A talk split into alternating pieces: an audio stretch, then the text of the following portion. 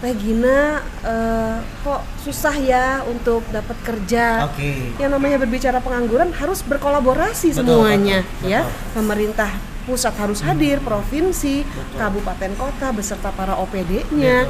Banyak sekali ketakutan gitu ya. Tetapi eh, ketakutan tersebut juga yang bisa merubah adalah mindset kita sendiri Oke. begitu. Eh, agar putra-putrinya itu mulai dibiasakan untuk membentuk pola pikir abis lulus sekolah eh, usaha. Usaha. Jangan menantikan dirimu datang kembali menemani diriku yang sendiri. Oke.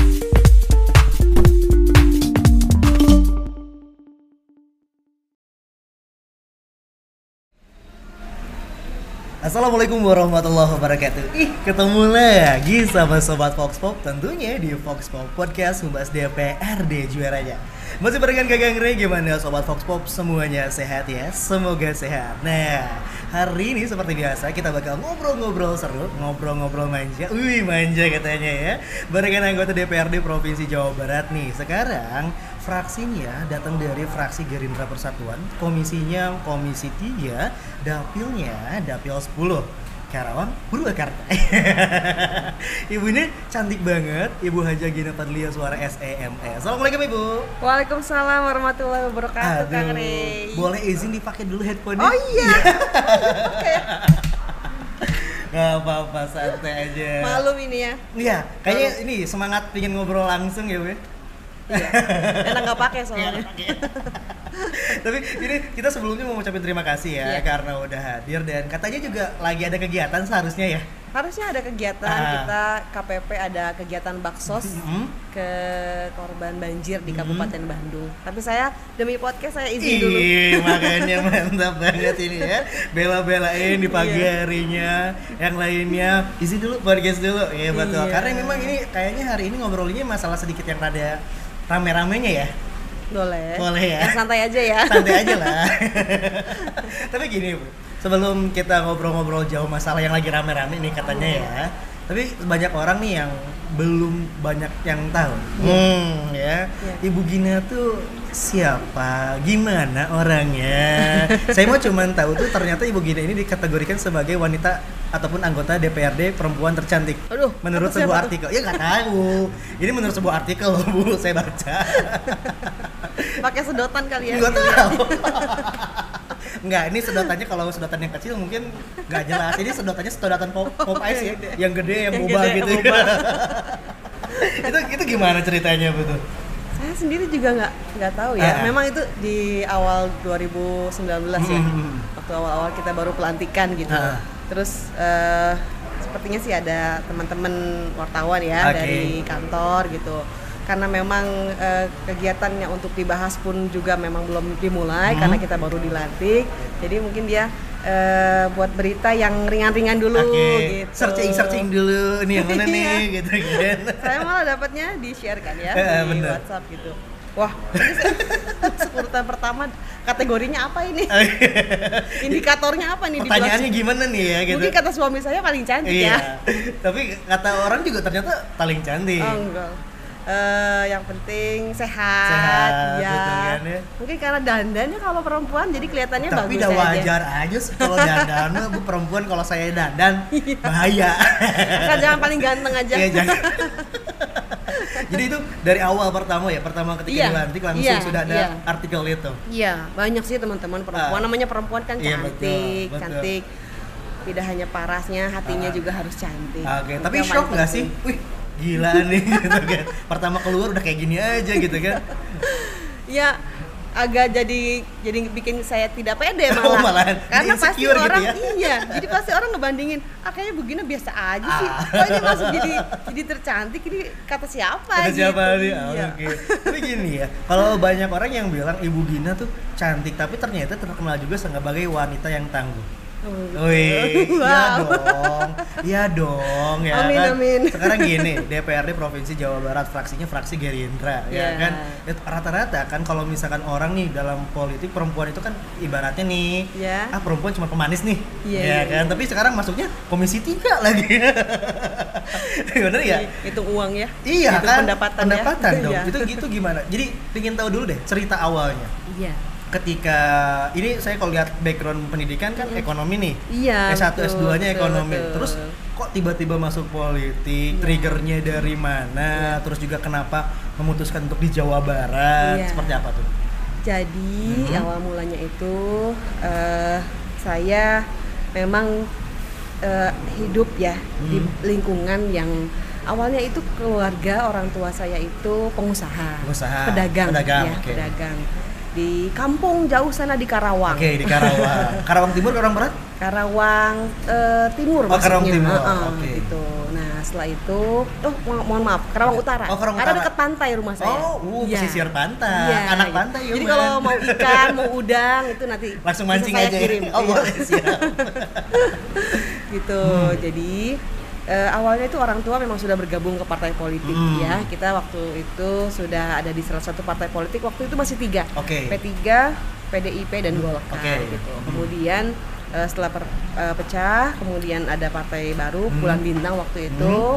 Orang tua saya, ibu Hmm. sebagai ketua DPC Oke. PBB di Karawang, Oke. ayah pun juga pengurus pusat. Hmm. Nah, pada saat itu kan eh, mesti ada keterwakilan perempuan ya Oke. sebagai calon legislatif. Hmm. Nah, saya masih kuliah tuh. Oh, belum- belum beres. Belum beres Belum gitu. beres. Kalau nggak salah baru mau skripsi. Oke. Gitu. Terus eh, mama kontak saya untuk maju di Dapil 1 Karawang waktu itu. Hmm. Oke. Tahun 2009 kalau nggak salah ya. 2009. 2009. Ya, Wow. betul. Karena saya masih kuliah. Hmm. Terus eh, saya maju, tapi kodarullahnya tidak terpilih pada saat Oke, itu. waktu 2009 ya, tuh. Iya, karena memang eh, suara partai kurang Hmm. eh, apa, basa, kurang besar. Besar. Kemudian saya pun juga kurang apa ya, belum begitu ingin masuk ke politik. Karena masih kuliah lah Masih ya, kuliah, masih mikirnya masih main. Iya. Dan pada saat itu saya punya usaha tuh, Oke. usaha rumah makan eh, Cendana Resto di Jalan Cendana Bandung gitu. Oke. Jadi Ah. jadi nggak terlalu fokus. Tidak terpilih, kemudian juga orang tua tetap di politik ya gitu.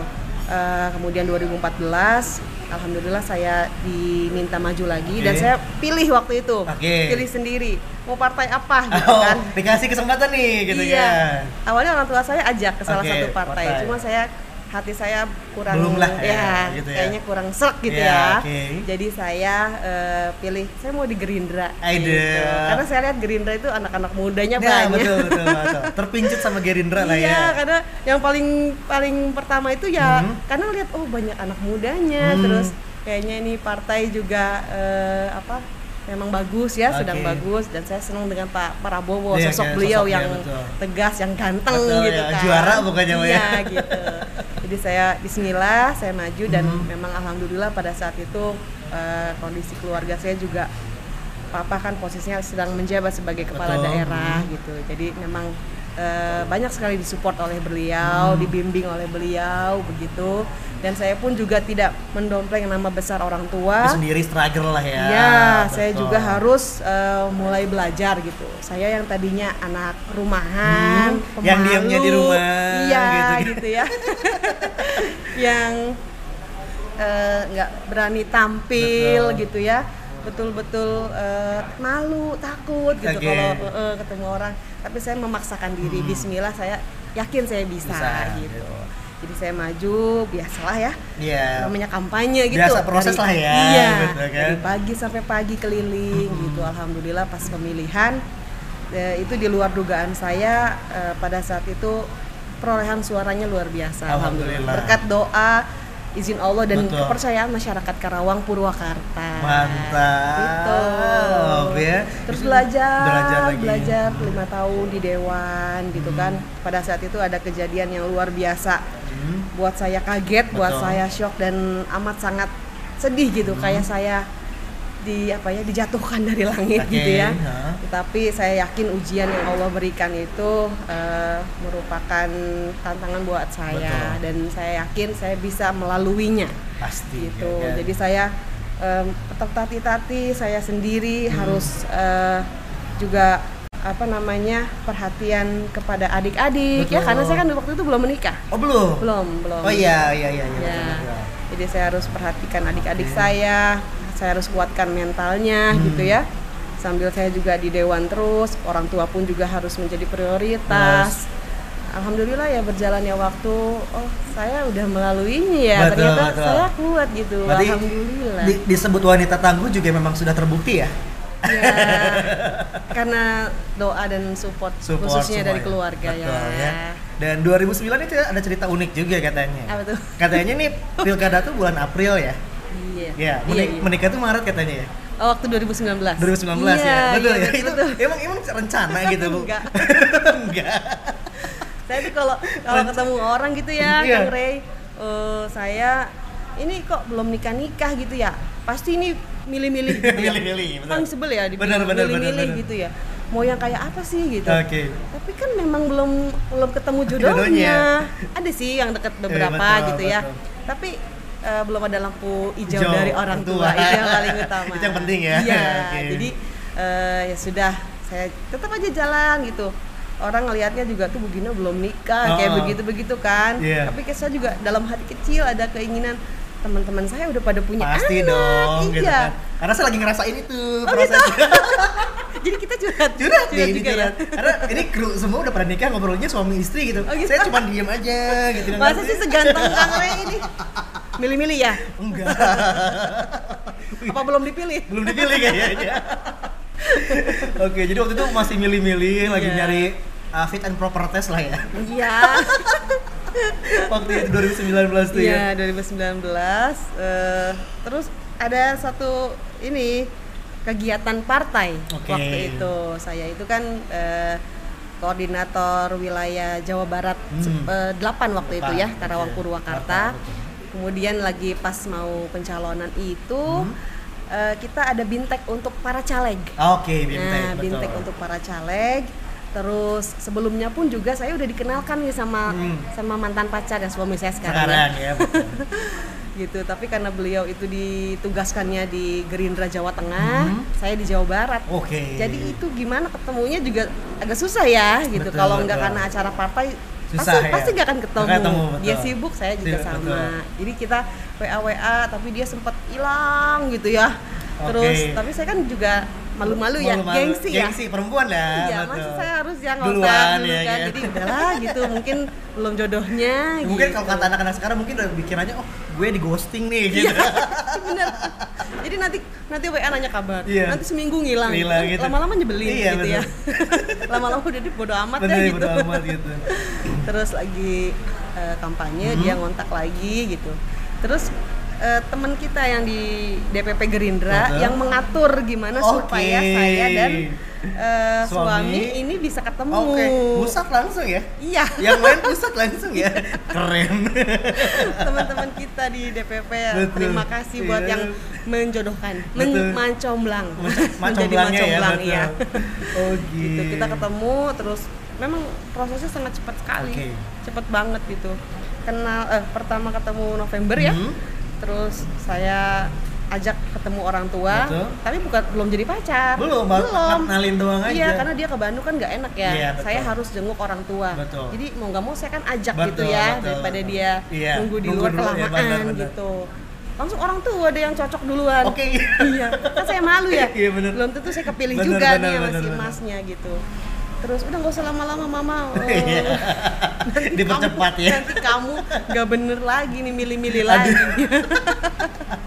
Fit on proper testnya lama. iya nah udah Gitu. gitu eh, kan mau pemilihan kayak saya kampanye Iya betul. betul. nah masnya pun juga alhamdulillah sudah menjadi apa namanya eh, calon, Calon. legislatif jadi sudah terdaftar, di Terdaftar Jawa juga, Tengah di gitu Jawa ya Tengah. saya di Jawa Barat provinsi juga Betul. gitu terus nikah kita akhirnya bulan Maret Bulan Maret, April tuh pemilihan. iya itu pemilihan jadi apa ya dibilang Langsung- pacaran juga enggak juga Jadi kayaknya kalau misalkan beres nikah tuh langsung pas kampanye masing-masing kayaknya. iya emang Oh iya, serius. itu kebayang. memang Oh iya. sibuk eh, dia sibuk pilpres ya Iya. pileg dan ngurus-ngurus partai Betul. karena memang beliau itu dulunya di DPP. Iya. Saya juga sibuk kan. Iya makanya. Jadi sempet agak kaget kok nikahnya gini banget ya gitu. ya. Emasnya di mana? Iya, gitu, bener. sayanya juga di mana gitu Itu kan. langsung pencar aja ya. Iya memang mencari gitu. Tapi kalau misalkan sekarang nikah yang sudah punya anak tentunya kan, Iya. ini gimana nih ngatur keluarganya nih? ngatur keluarga memang eh, saya juga sebelumnya aktif di politik, Hmm. masnya juga di politik, jadi sebetulnya udah nggak kaget ya kalau Oke. pada akhirnya setelah menikah ini harus long distance marriage Iya, ya. long, iya long distance marriage kayaknya Iya, ya benar gitu. ya. Eh, jadi yang ngalah itu emasnya. Oke, yang ngalah emasnya, karena kan suaminya. Gina baby Oh, iya, betul. masih 8 bulan Betul. ya gitu, jadi nggak bisa Pergi jauh ya. lama-lama juga gitu. Jadi masnya dua minggu sekali Pulang. pulang gitu. Wow. Masnya yang ngalah lah. Perjuangan ya. Iya. Perjuangan. Tapi saya seneng kalau eh, komisi atau saya kan di badan Iya. musyawarah Badan ya. kunjungannya ke Semarang. Oke. Itu saya paling seneng. Langsung ya ketemu ya. Malah saya tambahin harinya sendiri. Yang lain udah pada pulang, saya masih di Ya sana. karena oh ini weekend ya udah libur deh ya Iya. gitu kan. Pulangnya nanti Senin aja. Kalau nggak gitu susah. bener bener. Tapi kalau misalkan pergi ke sana anak di baby dibawa. Eh, baby, alhamdulillah kan mama sudah berkumpul lagi, Iya. papa juga gitu. Jadi dan mereka seneng Senang malah punya ada cucu punya gitu ya. cucu betul. gitu. Eh, memang cucu juga sudah ada, Iya. tapi udah pada besar Besar, besar, yang gitu. gitu, Ini ya. yang bayi Baby, kan betul, baru betul. baru ada lagi. Jadi seneng lah ya. seneng malah Oke. dititipin. gitu. Jadi kalau Ginanya pergi ke Semarang ke mana, ya udah nggak apa-apa sok yang lama-lama happy aja. happy gitu. aja lah. Biar kita sama baby Iya. Tapi gini kan, kalau misalkan berbicara tentang uh, ini kalau misalkan dilihat ya, eh, ibu anggota, suami Iya. anggota, terus juga badan musyawarah juga ya kan, Iya. terus eh, KPP juga, Iya. belum lagi di partai. Ini ngatur waktunya gimana bu? Untuk pribadi sendiri ya, Iya. kita udah ngomongin keluarga tadi kan dua minggu sekali. Untuk waktu pribadi deh, Waktu gitu pribadi ya? Iya kan, dalam artian susah lah dengan Gitu banyak ya. agenda yang kayak gitu kan. kita aja cuma satu agendanya kan beribetan tuh. Iya betul betul. Gimana tuh, Bu? Jadi eh, sebetulnya semuanya mengalir aja sih. Mengalir aja. Semuanya mengalir. Memang kadang juga kita capek ya. Bener. Dari Senin, eh, kadang kalau acara partai itu kan kalau tidak Sabtu, Betul. Minggu. Nah Jadi namanya ya. iya namanya dewan ini kan nggak ada seperti profesi lain ya. Betul. Jadi jam 7 sampai jam 5 Betul, misalkan iya. gitu. Yang namanya dewan ini kan harus siap siaga 24 jam selama 7 hari full. Betul, betul, betul. Sabtu Minggu kan kadang kita ada undangan, Betul, ya betul. undangan, hajatan, Hmm, terus hari besar, betul. Terus ah banyak lah yang namanya kegiatan di Betul, masyarakat betul. gitu. Itu memang kita capek gitu. Eh, nyampe rumah cuma istirahat sebentar dan paginya harus siap-siap lagi. Betul. Tapi saya kadang memanfaatkan waktu untuk me time-nya, Oke, ya, me time-nya gitu itu ya. gimana tuh? Itu kalau lagi kunjungan Oke. kerja kita kan stay di hotel Ah, tuh. oke. Nah, saya manfaatkan waktu itu Buat istirahat. Iya, buat istirahat. Buat me time-nya. Iya, gitu ya. Walaupun kayak semacam ngisi waktu dengan berenang Ah, gitu. gitu. Kemudian juga nge-gym Oke. gitu ya. Ya sebatas eh, kayak gitu aja udah seneng banget gitu. Oke. Misalkan nonton apa ya dia sambil santai, selonjoran. Selonjoran. gitu. Tapi gini, katanya juga kalau denger-denger nih, Iya, gitu kan bisikan-bisikan yang entah berasa nih, Iya, iya. katanya kalau misalkan ada kegiatan-kegiatan suka hobi nyanyi juga. Dangdutan ya. oh iya, kan makanya. Ih, saya emang nggak konfirmasi dangdutan loh ya, saya bilangnya nyanyi. Karena udah trademarknya ini dangdut, Dangdut. gitu kalau lihat Gina. Tapi itu emang emang suka nyanyi dangdut atau gimana? Enggak ya, awalnya memang jadi malu. Eh, apa-apa bu, kan lebih Dangdut amatir ya. Dangdut amatir, Artis ya. dangdut amatir dari panggung ke panggung. Jadi Hmm. eh, saya memang suka nyanyi Suka dari nyanyi. dari kecil Dari ya. kecil. Dari kecil suka nyanyi, tapi nggak yang diolah di lesin vokal Oke, enggak gitu juga ah. karena kan saya di kampung ya Betul, gitu. nggak ada guru vokal Iya. se- sebagainya nggak ada. Betul. Cuma beli kaset setel. Iya benar benar. Nah, sudah gitu, waktu awal saya kampanye Hmm. 2013, saya kan tadinya nyanyinya namanya anak muda waktu itu nyanyinya barat. Betul. Apa tuh Iya, Westlife, Westlife, Backstreet Boys gitu ya. Oke. Ih, Yang- zaman 90-an. Iya, kalau pop mungkin Reza, Iya, Reza gitu ya, Kanafian. Audi, ya kayak gitu-gitu, nggak kenal itu lagu dangdut Iya, bener-bener. nggak bisa nyanyinya Iya. juga gitu kan. Nah, udah gitu, eh, Mama tuh kadang suka ngomel, nyanyi melulu katanya, ngaji katanya gitu, apalin itu, apalin Qur- Quran ini. nyanyi melulu Bener-bener. gitu. Nah, terus satu waktu saya udah jadi caleg ya. Nah. 2014 tuh, Betul. eh 2013. 13. Ya, saya Kampanye ya? Di, ya, saya diajak mama papa kondangan Hmm. gitu. Udah tuh nyanyi katanya daripada nyanyi-nyanyi di kamar mandi, di kamar, Nggak jelas nyanyi gitu ya. barat nggak jelas katanya. Udah lagu dangdut tuh dangdut. Ih, lagu dangdut apaan gitu. Oh jadi ditodong langsung. Iya, gitu. Oke. malu tadinya gitu kan tapi saya tertantang Betul, tuh betul. waktu itu Eh, dan ternyata memang masyarakat di Karawang itu khususnya ya Hmm. Iya. eh, amat sangat cinta sama dangdut Makanya disebut goyang Karawang. iya gitu goyang Karawang gitu Oh, iya, kan iya.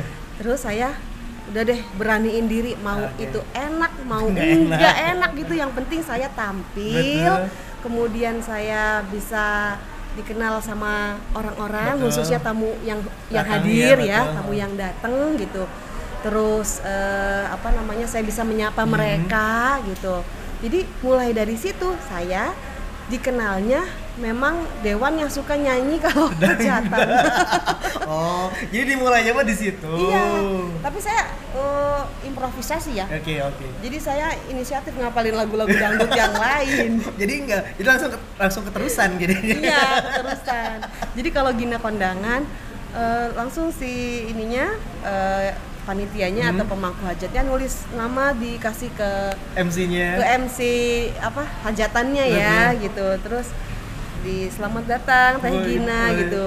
Eh, silakan istirahat dulu, kemudian nanti jangan lupa Nyanyi. eh, nyanyi sumbang lagu, kita sawer, gitu. nyawer ayo di panggung. Itu hampir semua eh, pemain organ ya, Ah. organ tunggalnya itu kenal. Karena karena setiap hajatan itu langsung Iya, nyanyi. iya. Jadi satu, misalkan satu hari ada Betul. lima hajatan, itu Betul. lima limanya saya naik, Oke, langsung. Eh, gila. tapi nyanyi sendiri, nyawer sendiri. Nyawa sendiri ya, nggak disawar orang lain.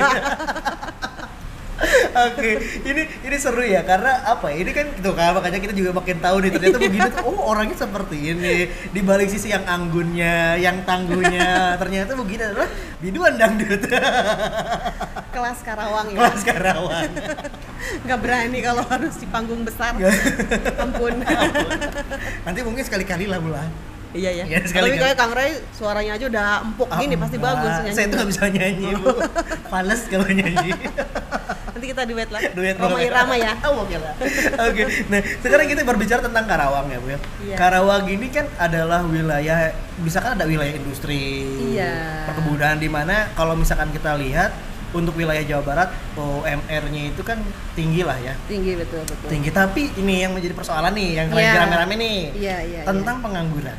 iya betul. Oke, ini ya kan apalagi Jawa Barat saya eh, soak ngejawak gitu ya kalau kata orang Sunda zaman Iya. nama.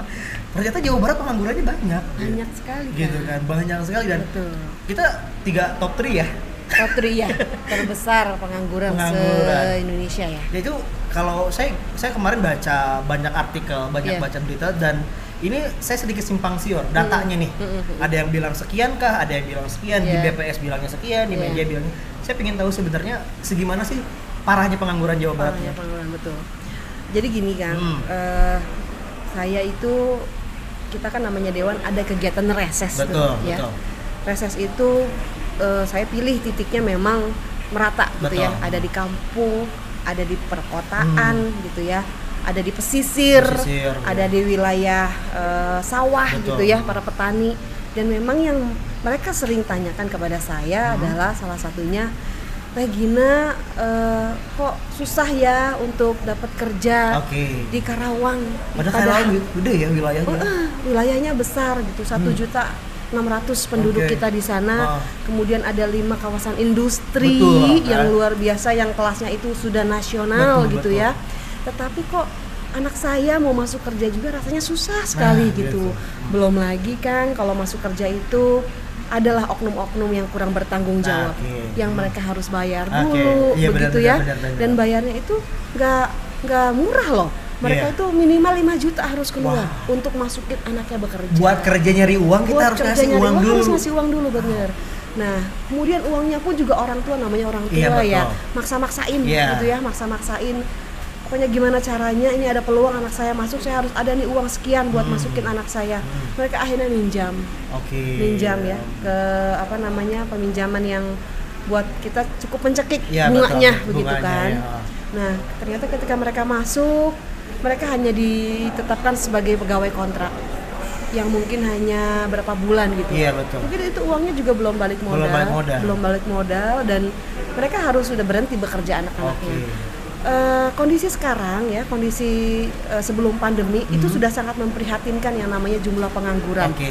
ya khususnya saya bicara Karawang dan Betul. pasti di semua kabupaten kota di Jawa Barat pun Betul. mengalami hal yang sama Oke. begitu ya dan sampai saat ini di mata saya Oh. gitu ya pemerintah itu belum hadir di tengah-tengah masyarakat yang Oke. sulit mencari pekerjaan Betul. ini gitu ya Betul, betul. karena memang kebijakan-kebijakan yang dibuat ini cenderungnya sebagai hanya aturan di atas kertas Tapi Tetapi implementasinya nggak ada. implementasinya itu Oke. belum ada gitu ya dan Oke. pengawasan dari pusat pun juga amat sangat rendah sekali gitu Oke. jadi yang ditanyakan yang dicecar itu selalu ketika anggota dewan itu melaksanakan Reses. dipikirnya itu kita tidak bisa membantu mereka dalam Oke. hal mengurangi pengangguran Hmm. tetapi kan yang namanya berbicara pengangguran harus berkolaborasi Betul, semuanya betul, ya betul. pemerintah pusat harus hadir provinsi Betul. kabupaten kota beserta para OPD-nya Betul, betul. dan pemilik-pemilik wilayah industri pun juga harus berkomitmen Betul. terhadap aturan yang sudah kita buat. Oke. Kalau di Kerawang itu kan kita sudah punya perda ya. Hmm.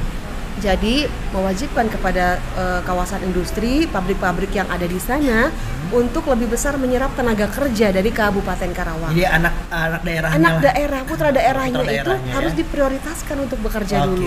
Baru nanti se- selebihnya silakan mereka merekrut dari ya. luar. Oke. Namun rupanya aturan tersebut tidak sejalan dengan aturan dari pusat.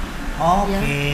Kita dalam Undang-Undang Dasar 1945 itu tercatat bahwa semua Hmm. eh, apa namanya eh, masyarakat Indonesia itu berhak mendapatkan penghidupan yang layak. Betul, dalam arti dia bisa kerja di mana Betul, aja. Bukan bukan dalam artian eh, pemerintah ngasih uang Iya, ya, tetapi gitu. dengan membuka peluang membuka seba- peluang Oke. gitu. Jadi tidak boleh katanya Hmm. ada pembatasan orang Kerawang nggak boleh kerja di mohon maaf di Jawa Tengah, di Jawa Hmm. Timur. Tidak boleh juga melarang orang Sumatera untuk bekerja di Jawa Barat. Betul, betul, nah, itu betul. tidak boleh.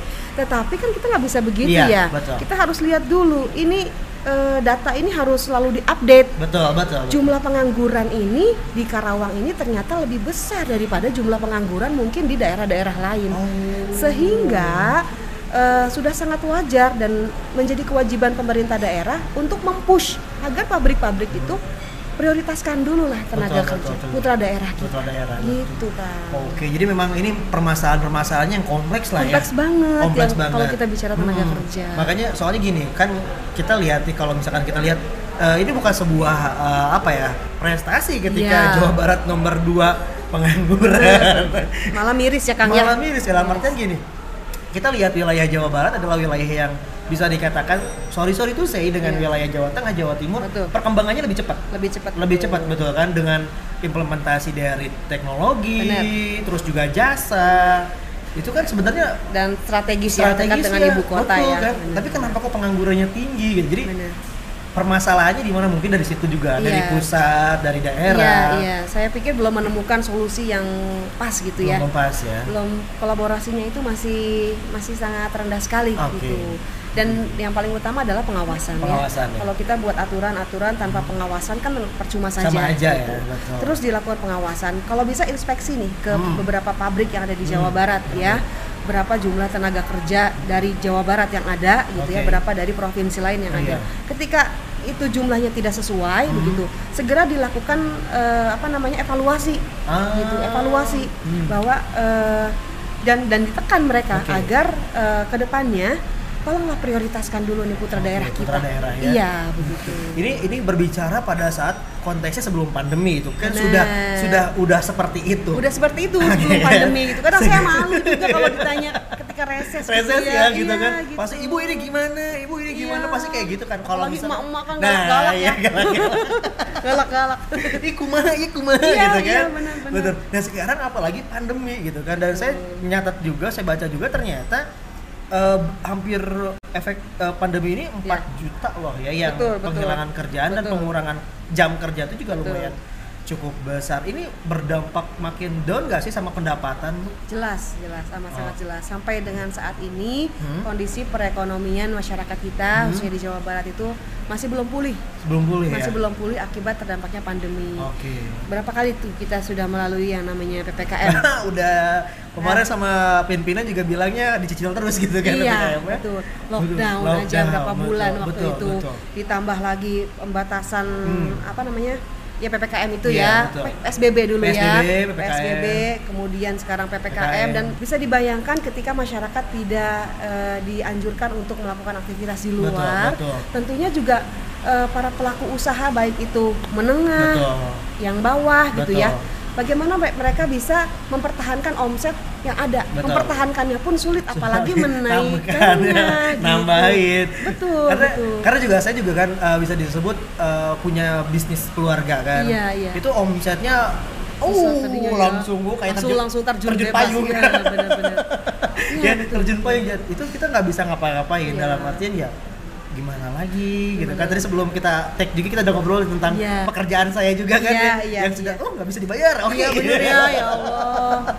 itu Sedih kan, juga saya sedih, makanya ininya, jadi emang apalagi dengan pengangguran yang Benar. apalagi yang belum kerja gitu kan Benar, benar yang belum gitu kerja. dan tapi sebenarnya kalau misalkan dari uh, komisi 3 sendiri nih bu Iya. apakah memang ada ini ya upaya ataupun strategi untuk Iya. menangani efek dari pengangguran ini seperti apa? efek dari pengangguran. Komisi 3 ini kan Hmm. bidangnya ini seputar keuangan, Keuangan, daerah. keuangan, Mitra betul. kerja kita ini kan BUMD Betul, ya, betul. BUMD kemudian juga eh, Samsat ya. Kalau kita biasa familiar dengan istilah Samsat. Samsat. Tapi sekarang kan udah dirubah jadi P3D. Iya, P3D. Ya, kemudian eh, juga apa namanya mitra-mitra lain lah yang berkaitan dengan investasi Hmm. ya aset gitu kemudian juga biro keuangan gitu ya nah kita dalam setiap rapat kerja selalu menyuarakan Hmm. apa yang menjadi jeritan hati dari masyarakat khususnya di Jawa Barat Oke. terkait eh, agar mereka BUMD BUMD yang ada Bank Jabar, ya betul. Hmm. BPR gitu ya terus memberikan keringanan kepada masyarakat Oke. dalam hal eh, pemberian kredit Oke. khususnya bagi pelaku UMKM, UMKM. Oke, gitu. betul. ya UMKM. Nah eh, di Bank Jabar sendiri ada yang namanya kredit mesra, Hmm. ada yang namanya kur gitu ya. Nah kita mohon kepada Bank BJB Oke. untuk terus mensosialisasikan Oke. program tersebut khususnya kepada para pelaku usaha kecil menengah Oke, yang betul. terdampak COVID Betul, ya. betul. Kemudian juga pasti nih sebelum yang namanya COVID itu datang Hmm, betul. gitu ya. eh, banyak UMKM kita pun juga yang sudah meminjam eh, modal, Oh, modal, ya betul. kepada baik BPR maupun BJB. BJB. Nah, ketika pandemi datang eh, mereka kan sulit ya Oke, untuk, untuk bayar, bayar. cicilan, Benar, ya benar, bayar benar. cicilan gitu. Kemudian eh, alhamdulillah dari OJK Hmm. eh, apa namanya memberikan aturan kepada BPR kepada BJB untuk memberikan relaksasi Oke, keringanan, keringanan, membayar ya. bagi eh, para peminjam kita Oke. ya. Keringanan itu kan bisa dalam berbagai bentuk. Betul. Misalkan eh, mereka menambah apa ya istilahnya jangka waktu pinjaman, waktu pinjaman, ya betul. atau eh, membayar pokoknya saja Oke. gitu bunganya nanti, Nanti aja, begitu. gitu. Nah, keringanan keringanan itu yang diharapkan oleh kami di Komisi Hmm. 3 bisa eh, membantu mereka UMKM agar tidak sampai gulung tikar. Oke, Begitu, betul. Hmm. ya. Jangan sampai gulung tikar karena eh, selain yang sudah pasti akan berdampak kepada keluarga dan Hmm. kedua pun juga mereka akan memberhentikan mem-PHK para pekerja, Betul. eh, para karyawan mereka. Pengangguran-pengangguran, Penganggurannya tambah lagi, lagi, gitu begitu. kan. Nah, kemudian kepada BUMD pun juga kita selalu mendorong agar terus bekerja secara optimal agar mampu memberikan dividen yang Oke. cukup besar bagi provinsi Jawa Barat. Oke. Buat apa sih dividennya? Iya, ya, betul. tentunya itu untuk dikembalikan lagi kepada masyarakat. masyarakat, oke. Ya. Dan sekarang pun juga ada yang namanya berkali-kali kita kena Hmm. refocusing ya. Ya, refocusing, ya. Nah, refocusing itu pun Refocusing, juga ya. tentunya anggaran yang sudah di eh, susun untuk Hmm. APBD kita dialokasikan terlebih dahulu untuk membantu masyarakat Oke. baik itu bantuan langsung Hmm. tunai maupun non tunai Oke. agar eh, itu menjadi penyemangat masyarakat ya karena kalau bukan pemerintah siapa Siapa lagi yang lagi? bisa hadir di Iya, tengah ngebantu mereka ya, begitu betul. ya Iya. Jadi tanggung jawab bersama lah. Dan juga kemarin juga tempat sempat baca juga ada beberapa BUMD yang maksudnya dia mereka dapat penghargaan Iya. karena mereka kayak manajemennya sehingga tidak menambah pengangguran.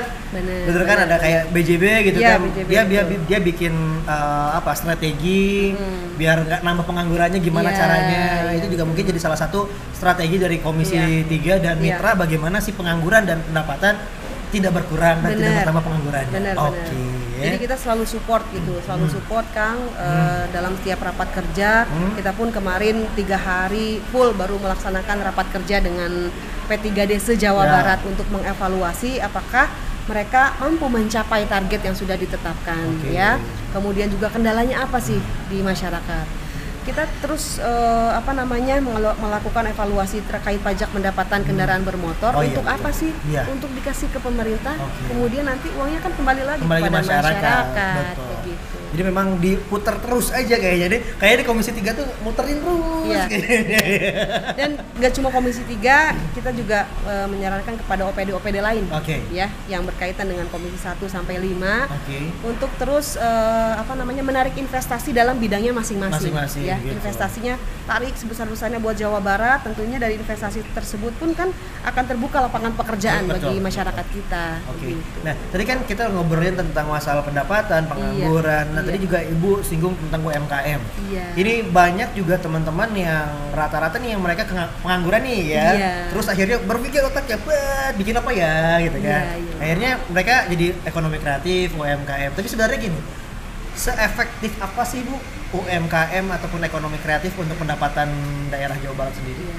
Nah, eh, sebetulnya kehadiran UMKM ini Hmm. Yang pertama dirasakan sendiri adalah oleh masyarakat itu sendiri. Masyarakatnya ya. sendiri. Nah, Indonesia itu termasuk salah satu negara yang bisa survive Hmm. mela- melalui masa sulit, masa Oke. pandemi yang sudah mau dua tahun ya, Ah, oke, dua sudah tahun. mau dua tahun. Karena apa? Karena mereka ini sebelum pandemi pun juga masyarakatnya sudah memiliki masing-masing bidang usaha, Bidang usaha ya, masing-masing. wa- eh, apa namanya usaha-usaha padat karya begitu ya kemudian juga eh, apa namanya ekonomi kreatif tadi Betul. begitu nah dari situ kan tentunya roda perputaran ekonomi ini terus berjalan Betul. begitu ya Eh, bisa dibayangkan kalau di luar negeri ya Kang Oke, betul betul. mereka itu sudah dimanjakan dengan Iya. aturan pemerintah bahwa mohon maaf yang unemployed yang Iya. pengangguran itu Pengangguran. dapat gaji Betul, betul. ya kalau di Indonesia kan nggak ada Iya, aturan begitu Bahkan kan kalau misalkan kita lihat di Jerman sendiri, Bener, saya pernah bener. baca itu ketika perusahaan itu si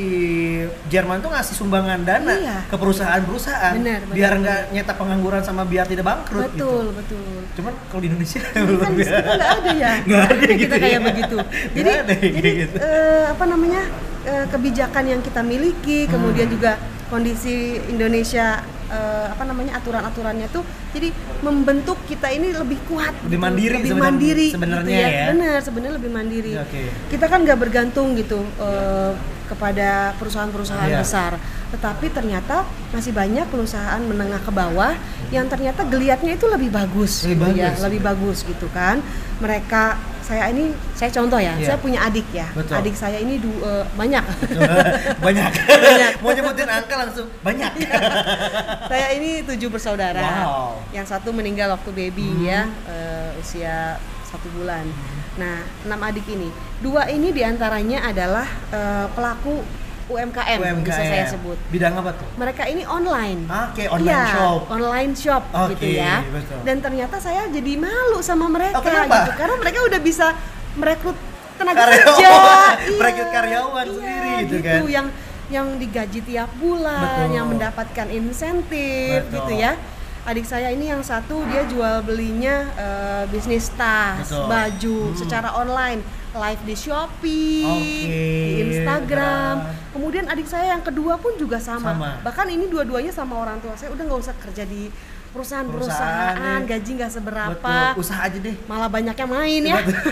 namanya anak muda Bener, karena kan gitu ya. Setelah kerja bulanan healing main-main. iya gitu ya kan Bener, bener, Jadi, bener. apa misalnya plus plus gitu Plus ya. plus ya. Jadi kalau misalkan itu uh, pendapatan yang ngepas, Iya. pengeluarannya gas. iya lebih kenceng ya nah Gitu. jadi mereka punya kerjaan nih Hmm. ya live tiap hari subuh mereka punya jam-jam tertentu adik Ah, saya pun juga sama, sama. gitu ya dan ternyata omsetnya itu luar biasa Wow. luar biasa besar gitu ya dari usaha tersebut Hmm. gitu kan asal mau rajin Iya. dan tekun kan yang namanya Betul, usaha. betul, betul. Mereka udah mengurangi pengangguran. Adik saya karyawannya kalau nggak salah sudah 10 Wow. yang satu lagi sudah baru tiga karena dia Iya, baru mau ikutan kakaknya Oke, ya kan. Jadi kan saya malu ya, sedangkan saya sendiri kok eh, baru mungkin menggaji karyawan supir, staff cuma gitu Iya, doang gitu, ya, betul, jumlahnya betul. juga nggak seberapa Betul. gitu ya. Luar biasa ternyata UMKM kita khususnya kalau disupport dengan teknologi yang Betul, ada betul. sekarang akan lebih bagus gitu loh. Sebenarnya ya. Heeh, lebih cepat lebih Betul, cepat betul. maju gitu kan Iya. dibandingkan kita kerja-kerja mohon maaf ya di Iya. perusahaan-perusahaan Betul, digaji betul, gitu ya jadi ternyata menjadi owner itu lebih lebih lumayan lebih lebih apa ya lebih, perasaannya juga lebih beda lagi beda betul betul, Heeh. cuma jadi pertanyaannya adalah gitu mental yang dibangun itu kan Iya. yang susah betul susah banget mental ya. yang itu kan ketika kita nih kan kadang gini kadang teman-teman saya nih yang sudah mereka tuh yang kerja Iya. PHK pasti Betul. nyarinya kerja lagi benar benar gitu kan itu mentalnya emang kayak gitu kan misalkan Betul. dari kerja yang sudah kerja udah enak Iya, gaji iya. bulanan PHK Iya. akhirnya kerja lagi Iya, itu iya. kan yang nggak bisa dirubah Iya, yang mungkin kalau orang yang beberapa orang mungkin kerja PHK usaha benar benar benar. tapi itu susah sih susah, betul susah. ya karena membiasakan eh, apa namanya yang namanya kerja ini kan kita eh, ibaratnya sudah terjamin betul ya betul betul mau itu kerjanya eh, keras atau berat Betul. ataupun ringan sama-sama kita digaji betul gitu ya maaf. ada yang menjamin kita perusahaan Betul. gitu ya lain cerita dengan kalau kita mulai usaha ya yang namanya membuka usaha itu kan banyak sekali ketakutan awalnya Hmm. ya dulu saya punya restoran tuh Cendana Betul, Seafood betul. awalnya juga saya saya takut juga gitu Iya. takut bulan pertama omsetnya tidak Hmm, eh, bagus betul. yang ada malah tabungan saya kepake Habis. buat bayar karyawan, Karyawan, gitu betul. ya kemudian takutnya bulan kedua pun juga kondisinya sama Betul. banyak sekali ketakutan gitu ya tetapi eh, ketakutan tersebut juga yang bisa merubah adalah mindset kita sendiri Oke. begitu memang saya sering banget ya menyampaikan ke saudara-saudara kita di di Karawang ya Betul. ke tim-tim saya gitu ya eh, agar putra putrinya itu mulai dibiasakan untuk membuat apa membentuk pola pikir habis lulus sekolah eh, usaha usaha jangan dulu habis lulus kuliah saya mau kerja di pabrik A, Ya, di pabrik B. pabrik B, betul. Ternyata setelah mereka mengajukan apa namanya CV Betul. ya, pabrik A menolak, pabrik B menolak. Yang Betul. ada mereka malah jadi down, oke betul jadi down gitu. Jadi kayak, aduh saya kok jadi kemampuan saya ternyata tidak tidak bisa ini ya Untuk kerja, diterima terima untuk kerja, untuk kan? kerja eh, di Hmm. pabrik-pabrik besar gitu ya. Nah untuk itu eh, apa namanya saya sama amat sangat mendorong Hmm. pemerintah itu untuk hadir agar eh, geliat UMKM ini menjadi Semakin- semakin, bagus ini dan ya. semakin kuat khususnya Mhm. di Jawa Barat. Oke, dan tapi ini kalau misalkan kita ber- berbicara tentang uh, COVID-19 dan Iya. juga dari si apa masyarakatnya sendiri yang memang Iya. Eh kita kalau apalagi kaum kaum saya kaum kaum milenial yang suka rebahan itu kan Kaum sulit. mager ya? iya kaum mager itu kan sangat sulit untuk uh, padahal peluang bisnis banyak Banyak sekali. tapi gini yang mungkin ja- salah satu tadi mungkin ibu telah singgung juga dengan BJB dan yang lain-lain Iya. sekarang kalau misalkan untuk skema saya ini pengen buka usaha nih Iya. saya tuh mentok modal nih gitu Bu. Iya, itu iya. seperti apa ada nggak sih skema dari pemerintah dari Iya. DPRD ataupun dari uh, BUMD Iya. untuk masalah itu Iya. Eh, sebetulnya eh, begini Kang, Hmm. kami di BUMD itu eh, selalu mendorong juga Hmm. selain eh, mereka untuk menyerap tenaga kerja yang banyak, Oke. yang tidak kalah penting adalah penyaluran CSR. oke CSA Ya, penyaluran CSR. betul betul CSR itu digunakan kayak kemarin ya kita ke apa namanya Indopower Oke. ya di Purwakarta. Mhm. Itu mereka menyalurkan CSR untuk para eh, apa namanya peternak domba. Oke, Nah, domba. Untuk membuka ternak domba gitu ya. Kemudian juga kita mendorong CSR ke BJB khususnya paling banyak kan CSR Ya, BJB, BJB, ya betul. untuk memberikan CSR-nya kepada eh, para pelaku usaha menengah Oke. ya. Nah, dan juga yang paling yang tidak kalah pentingnya adalah eh, kita pun juga mendorong mereka ya para apa namanya BUMD BUMD yang ada ini untuk eh, terus melibatkan masyarakat di sekitar. oke langsung kema- melibatkan masyarakat Ya, melibatkan di masyarakat sekitar. Hmm. Bisa dalam bentuk kelompok, Oke. misalkan ya, kelompok usaha Iya. gitu ya.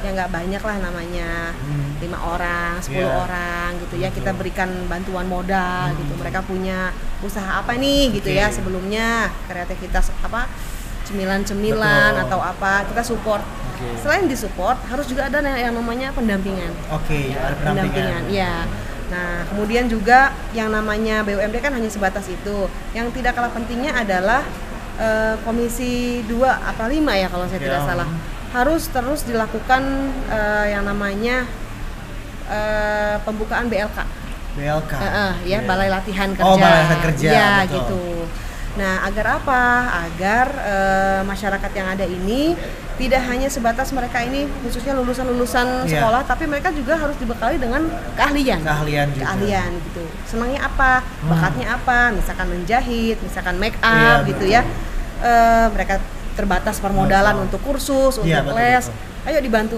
sama Oke. Disperindak khususnya Iya, ya Disperindak, gitu. untuk eh, apa namanya di- Disnaker Trans Eh, sorry. Disnaker Trans. Disnaker Trans ya Iya, tenaga kerjaan. Ya, Betul. untuk berikan BLK sebanyak-banyaknya. Oke. Kemudian juga solusi lainnya eh, banyak kan orang-orang di kampung khususnya Betul. ya, se-Jawa Barat lah.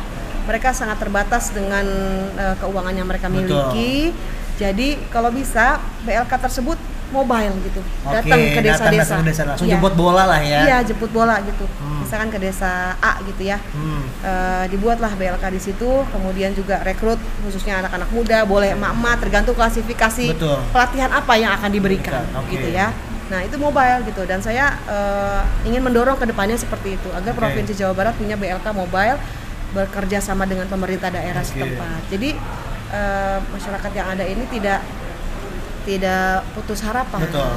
gitu ya, tidak buntu arah. Iya, gitu. betul, saya betul. harus ke mana ini untuk bekerja, untuk mencari uang, Betul. gitu. Jadi sebenarnya itu udah jadi win-win solution ya Iya. buat pengangguran-pengangguran yang mungkin saya pingin usaha tapi nggak punya modal. Iya. Terus juga saya punya usaha tapi kurang modal. Kurang modal. Jadi sebenarnya itu sudah ada saya punya gagasan tapi, tapi kurang keahlian. keahlian. gitu. Jadi kayak misalkan saya cuman sorry kan banyak orang yang bilang saya lulusan SMA kerja di sebagai buruh Iya, iya. kena PHK nggak bisa ngapa-ngapain. Iya, iya. Saya harus ke mana nih? Ternyata Mm-mm. memang sebenarnya sudah ada aja.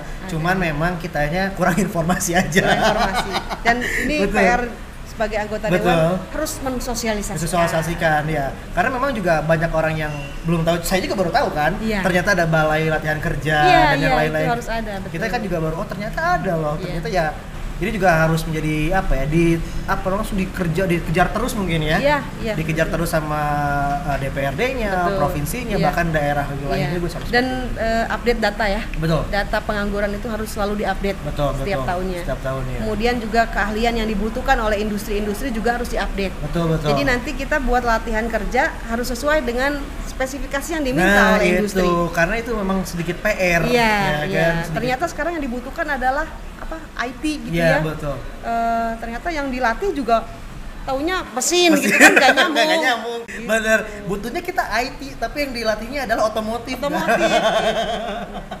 Nyambung ya. Jadi memang sedikit rada apa ya, semeriwut lah ya permasalahan-permasalahan tentang pengangguran dan permodalan Iya. masalah itu juga. Tapi semoga ke depannya kita ada solusi yang bisa ada ba- benang lurus ataupun tali Iya. lurus yang ternyata di sini loh jalurnya, Betul, ke sini betul. loh solusinya dan semoga kita tunggu gebrakan-gebrakan itu dari DPRD Provinsi Jawa Barat dan Amin. dari Ibu Gina sendiri ya. Amin, Allah. Komisi 3 ya? Komisi tiga. Oke. Dan kita udah gak kerasa nih, Bu. Iya. Udah Minum boleh ya? Boleh sikat aja, Bu, ya kan? Udah hampir eh, satu jam kita ngobrol-ngobrol serunya dan kita sudah masuk ke segmen terakhir. Kita main-main game dulu sebelum kita ditutup, boleh ya? Iya. Jangan susah-susah ya Oh, gamenya. enggak. Kita mah gamenya cuma simple-simple aja. Ada rapid question.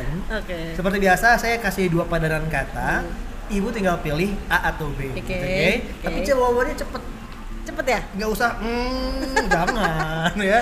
Oke. A atau B, B. B atau C? C. Ya, Ah, kayak iya, gitu iya, ya. iya, sip, iya. sip, sip. Boleh ya? iya. Oke, ready ya. Pertama, teh atau kopi? Teh, Pisang atau alpukat? Pisang, Wisata belanja atau wisata alam? belanja, Kerudung atau tas? Tas. Ai, jogging atau gym? jogging, Legislatif eksekutif? eksekutif. ini adalah ini adalah jawaban tercepat. Karena gini, ketika dari lima pertanyaan itu Iya, iya, yang iya. paling lama adalah legislatif eksekutif. Oh gitu ya? Anggota dewan lain pasti. Hmm, Berarti saya mau jadi apa ya? Makanya ini yang saya tanya. Dewan apa ya? Tadi teh kopi. Teh. Teh. Nah, soalnya saya kurang suka, Suka kopi. kopi. Pengennya yang manis Oh, gitu. jadi eh, suka yang manis-manis. Iya, kopinya campur susu Nah, gitu. tapi kan kopi juga banyak yang manis, Bu. iya ya. Iya, iya. Tapi memang tidak suka suka minum kopi kopi ya. ya. Kalau teh kan ada teh diet Iya, ya. betul. Paling utama teh diet Teh buat, diet. buat Iya. Saya harusnya minum itu. kalau kopi kayaknya lemak-lemak. lemak-lemak ya. Jadi jadi lebih suka teh ya. Iya. Tapi kalau misalkan tuh minuman wajib atau min- minuman kesukaan doang? Teh Ya. kesukaan. Kesukaan. Eh enggak, enggak. Eh, yang kesukaan aja. Kesukaan Soalnya aja. saya senangnya minum air putih aja. Oke, jadi Air minuman putih wajibnya air putih lah ya. Iya. Oke. Pisang, alpukat. Pisang. Pisang. Oh, alpukat harus dikerok-kerok gitu. Tapi kan Lama ya? Tapi sehat alpukat. Iya, iya. Tapi kalau pisang kan sus, sus, sus, Oh iya. makan gitu. Simple. alpukat kadang susah juga nyari yang Bener, matang. bener. Ya harus benar benar benar. Tunggu dulu ya. benar. Nih, tadi ada sedikit wajahnya sedikit berubah. Tadi ketika wisata belanja atau wisata alam. ya, wisata Tapi belanja. belanja kan ya? Belanja, belanja. Mak-mak kan seringnya Iya. belanja. Dan ternyata kan ibu suka sering hunting-hunting sesuatu katanya kan? Apa ya? Iya kan? Tadi jawaban pertanyaan selanjutnya adalah kerudung atau tas. Tas. Katanya suka hunting kerudung. Oh, kerudung. Tapi kenapa jawabannya tas tadi? Karena kalau kerudung kan Hmm. beli itu di saat butuh warna aja. Oke, butuh warna Ini aja. ada baju ini kerudungnya Hmm. nggak ada, jadi harus beli kerudung. oh jadi gitu. Logikanya gitu Iya. kawan-kawan.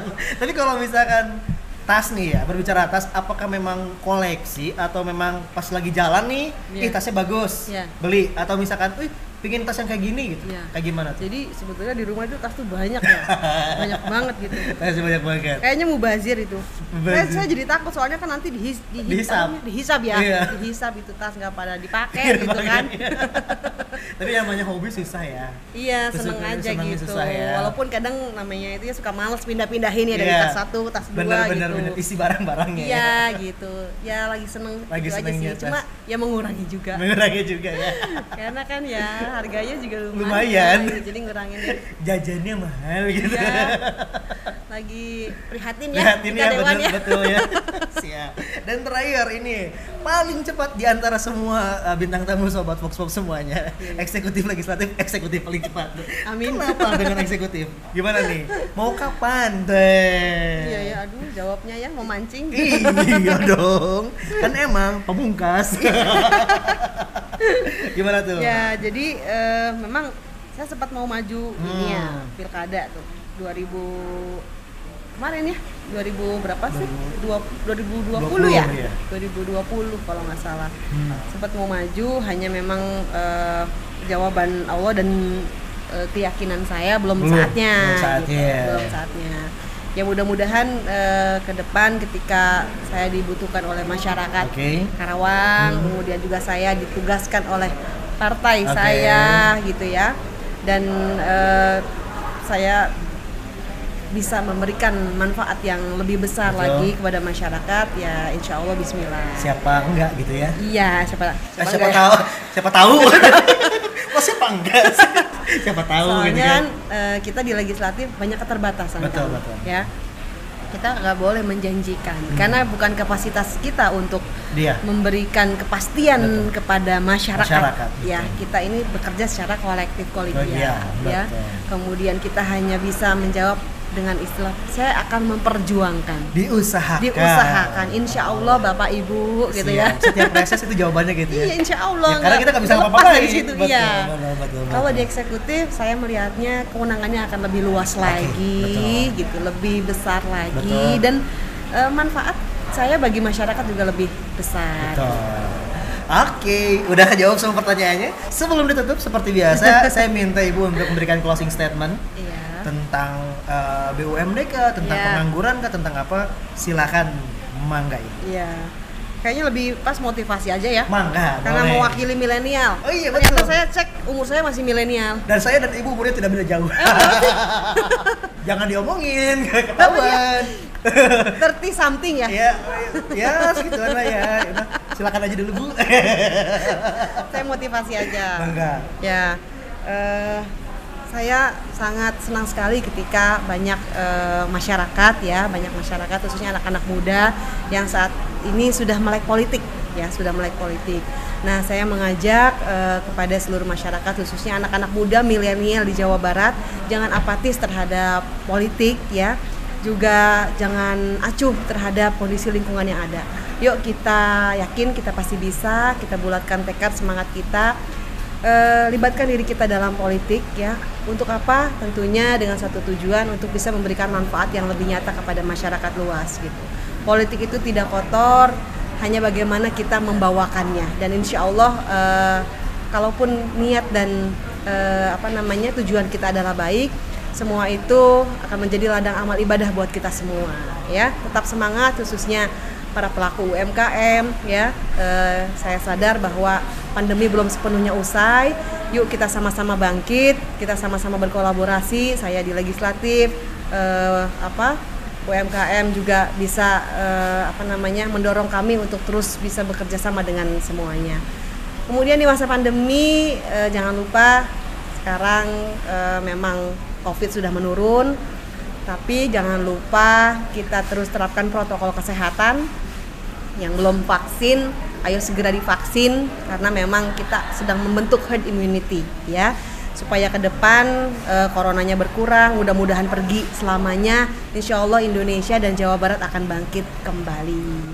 Itu saja dari saya. Oke terima, terima kasih. kasih. Tapi sebelum ditutup oke pingin uh, minta request dong? Iya.